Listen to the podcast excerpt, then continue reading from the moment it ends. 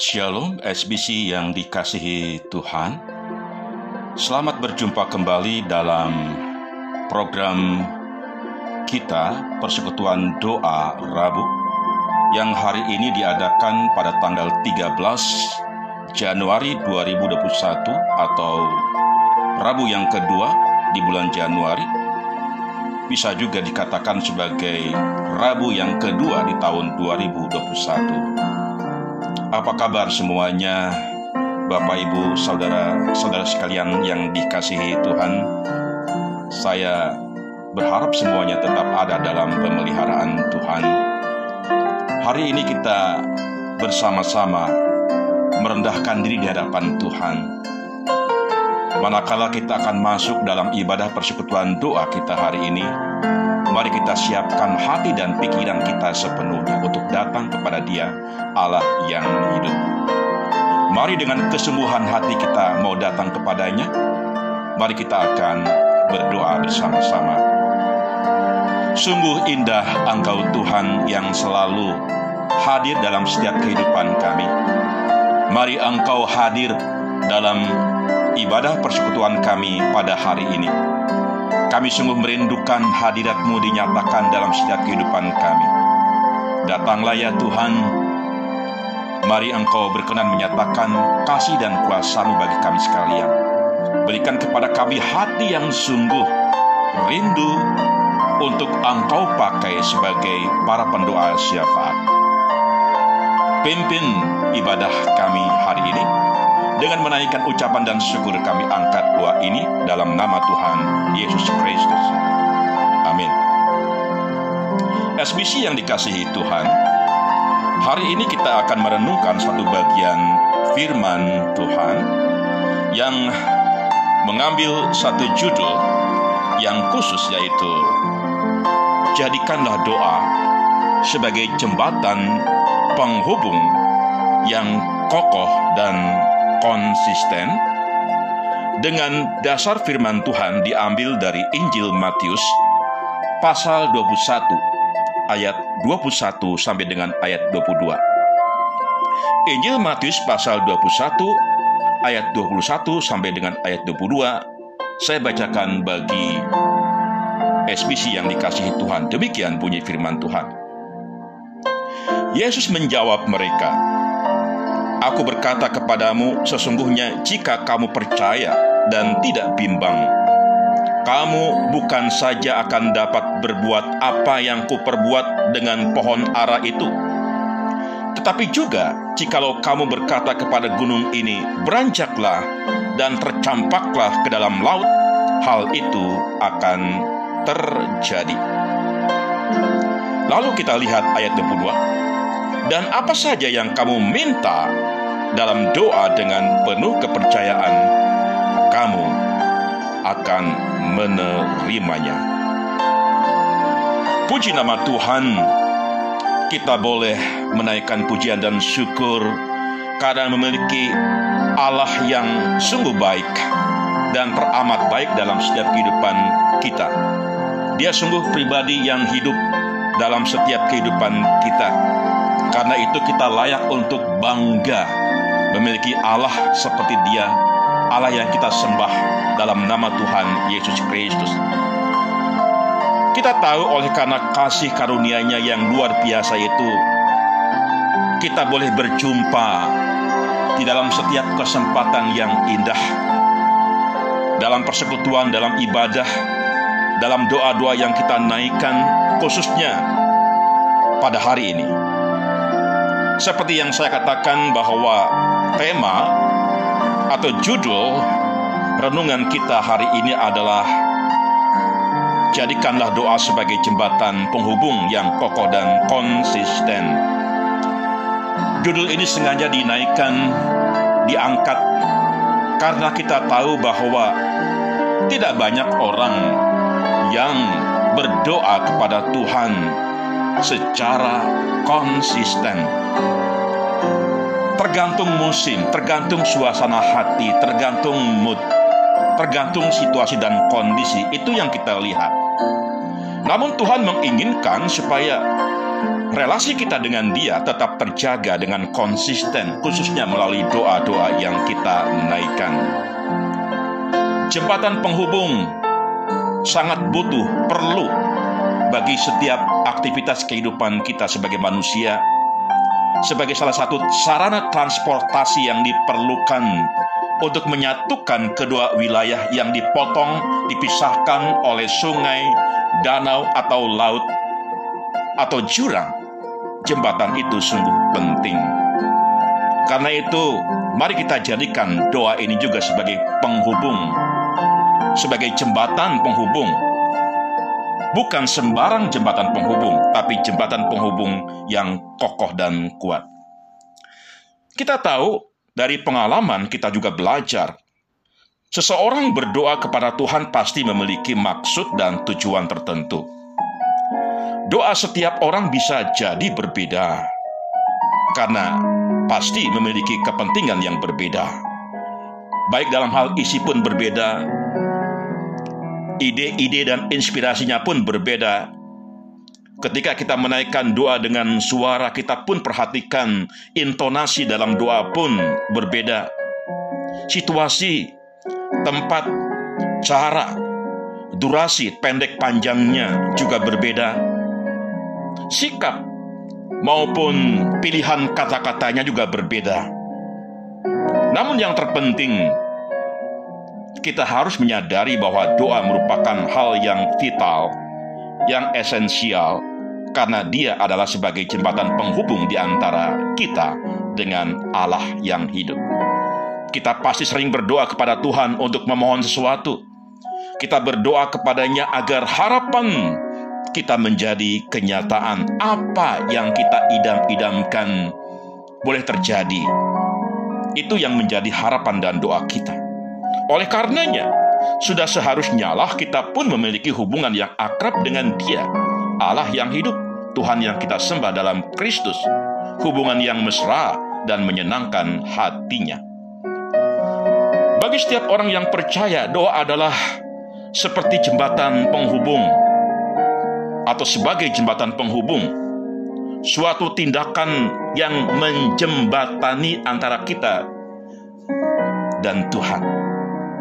Doa kita adalah bagaikan jembatan yang menghubungkan antara permohonan atau harapan kita dengan pemenuhan atau jawaban Tuhan.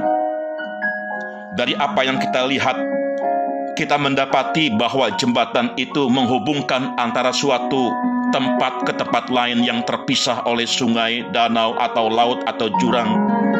Biasanya dibangun sekuat-kuatnya dengan baik, dengan cermat, dibangun dengan kokoh supaya awet.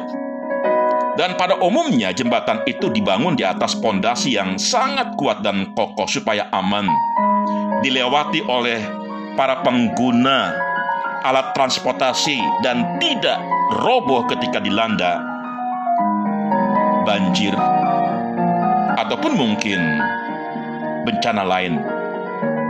Demikian pula halnya dengan doa kita kepada Tuhan. Doa kita bagaikan jembatan yang menjembatani antara permohonan kita kepadanya dan pemenuhan atau jawaban doa oleh Tuhan sendiri.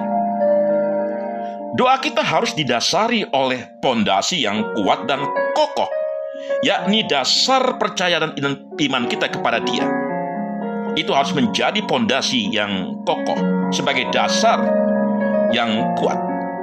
Doa kita harus dibangun di atas dasar keyakinan, kepercayaan, dan iman kita yang kuat kepada Kristus Yesus, Tuhan kita.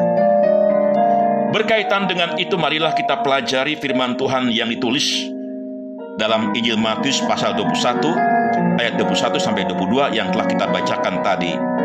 Alkitab mengatakan dengan jelas di situ sesuai dengan apa yang disampaikan oleh Tuhan Yesus.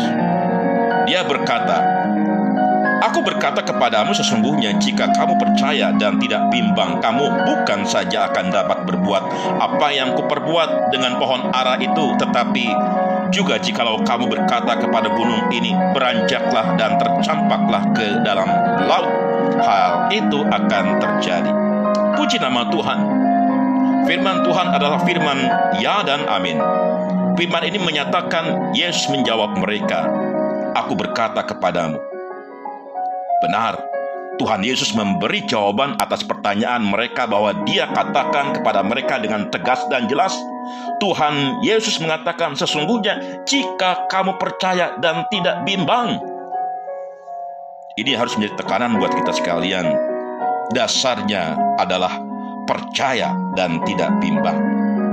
Sebenarnya jika semua murid-muridnya percaya, seandainya mereka yakin, andai kata mereka sungguh-sungguh beriman kepadanya, apabila mereka tidak bimbang, jika mereka tidak ragu-ragu, maka mereka akan mendapat jawaban doanya. Selanjutnya marilah kita lihat di ayat selanjutnya. Ayat yang ke-22. Dan apa saja yang kamu minta dalam doa dengan penuh percayaan, kamu akan menerimanya. Melalui firman ini kita mengetahui bahwa apa pun yang kamu minta dalam doa dengan penuh kepercayaan, maka kamu akan menerimanya. Lantas bagaimanakah dengan kita? Saya berharap kita semuanya percaya kepada Dia. Kita tidak bimbang kepada Dia. Masalahnya, apakah kita sudah membangun pondasi doa kita dengan iman yang kokoh dan kuat kepadanya? Percayalah. Andai pondasi iman dan percaya kita kokoh dan kuat kepadanya seperti yang dikehendakinya, niscaya Tuhan memberkati setiap doa-doa kita. Kita tidak perlu memimpikan, tidak perlu mengharapkan untuk dapat memindahkan gunung dan bukit ke laut. Tidak perlu seperti itu. Tetapi yang penting adalah berimanlah. Doa yang dibangun di atas pondasi iman yang kokoh dan kuat dapat menjadi jembatan yang kuat serta membawa berkat. Dan percayalah bahwa dan apa saja yang kamu minta dalam doa dengan penuh kepercayaan, kamu akan menerimanya. Berbahagialah bagi mereka yang berdoa serta mau menjadikan doa sebagai jembatan penghubung yang kokoh dan tetap konsisten. Tuhan Yesus berkati kita sekalian. Haleluya. Amin. Mari kita berdoa bersama-sama. Bapa Sorgawi, Bapa yang mengasihi kami, Bapa dalam nama Kristus Yesus. Terima kasih untuk firman yang Tuhan sampaikan pada hari ini. Firman menekankan kepada kami yang terpenting adalah iman percaya kami. Jangan sampai ada kebimbangan keraguan dalam diri kami sekalian. Biarlah kami terus menyadari betapa pentingnya doa itu dalam kehidupan kami. Karena ini merupakan jembatan penghubung untuk merekatkan relasi antara kami dengan Engkau, ya Tuhan Allah yang hidup. Jadikan kami pribadi-pribadi yang tetap konsisten dalam menaikkan doa dengan dasar iman percaya kami. Terima kasih Tuhan Yesus. Terima kasih. Berkati setiap diri kami ya Tuhan. Kami naikkan doa ini dengan menaikkan ucapan syukur dalam nama Kristus Yesus. Haleluya. Amin.